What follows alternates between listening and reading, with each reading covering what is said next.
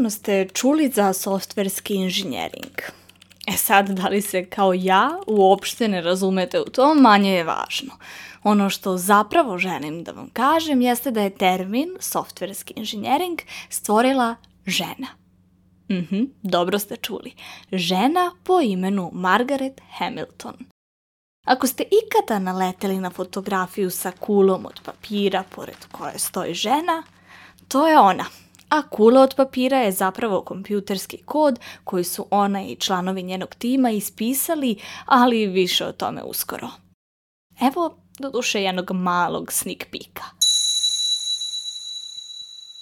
Uključuje i sletanje na mesec.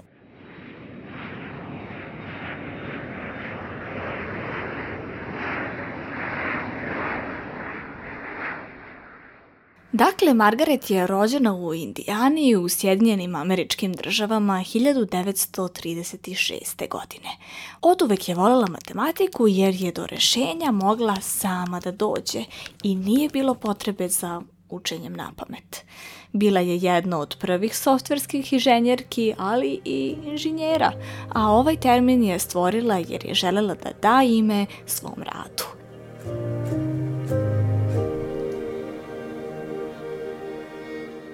Dok je studirala matematiku i filozofiju na Earlham College-u u Richmondu, Indijani, upoznala je Jamesa Hamiltona za koga se kasnije i udala.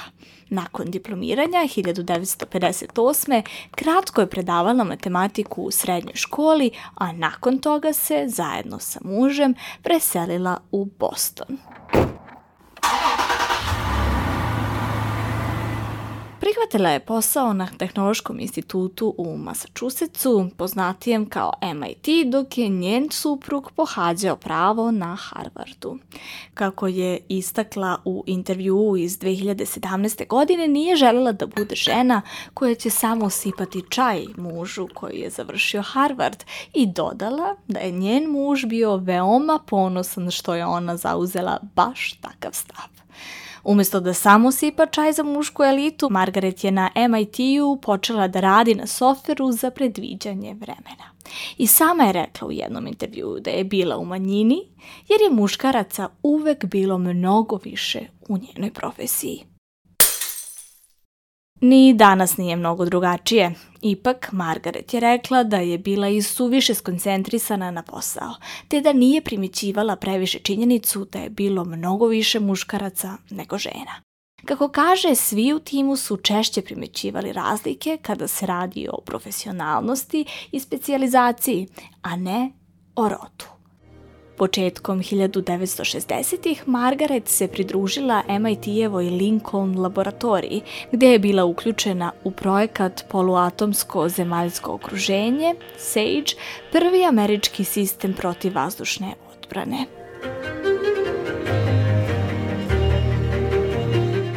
Ona je kreirala softver za identifikaciju neprijateljskih aviona, a zatim je radila u MIT-evoj laboratoriji za instrumentaciju koja je obezbedila aeronautičku tehnologiju za nacionalnu upravu za aeronautiku i svemir poznatiju kao NASA.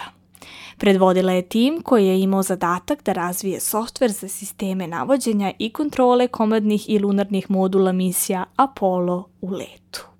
U tom periodu, kaže, planirala je da nastavi školovanje, ali je prilika da radi na softveru koji će poslati čoveka na mesec bila prilika života. That's one small step for man, one giant leap for mankind. Kako je rekla Margaret, radno okruženje bilo je neformalno, ali ozbiljno.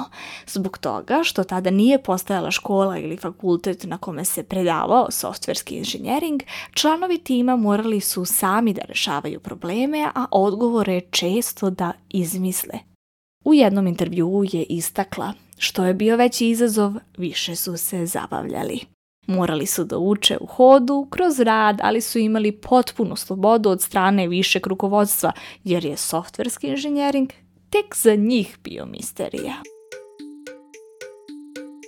Ona je skovala termin softverski inženjering jer je smatrala da je posao koji ona i njen tim obavljaju jednako važan i jednako inženjerski kao i drugi rad na svemirskoj letelici Apollo. Sama Margaret se posebno koncentrisala na softver za otkrivanje sistemskih grešaka i za oporavak informacija u slučaju pada računara. A zašto baš to?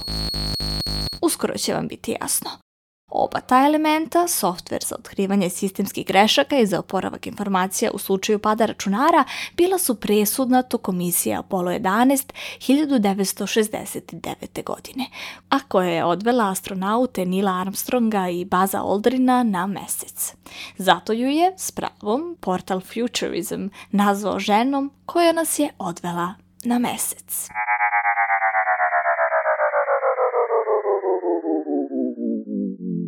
Pripremajući ovu epizodu podcasta naišla sam na ono famozno pitanje koje se postavlja skoro svakoj uspošnoj ženi, pa tako i Margaret. Čuveno pitanje kako si uspela da balansiraš privatni život sa radom na projektu Apollo? Nećem komentarisati ovo pitanje, ali reći ću vam njen odgovor.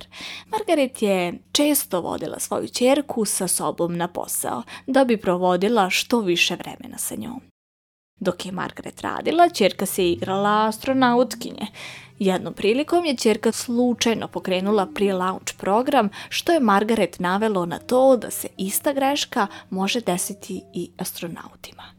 Iako je NASA bila protiv uvođenja neke vrste zaštite i sigurnosnog sistema, jer su astronauti trenirani da rade svoj posao besprekorno, Margaret je svojevremeno pobedila u debati i dodala kod za sprečavanje moguće ljudske greške – Bez tog dodatog koda, 1969 emisija Apollo 11 leta ne bi bila uspešna, jer su tri minuta pre sletanja na mesec napravili sličnu grešku.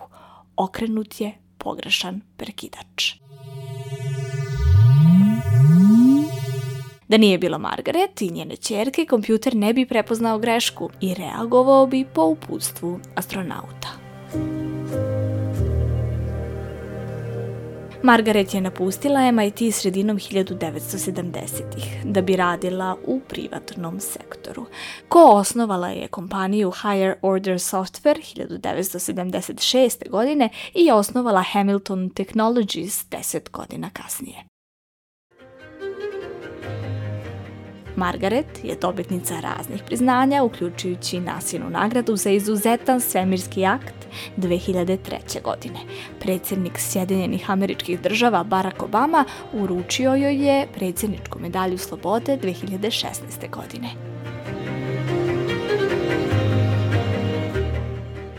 Priču napisala Iva Gajić. Montaža Iva Gajić i Aleksandra Bučko. Producentkinja Aleksandra Bučko.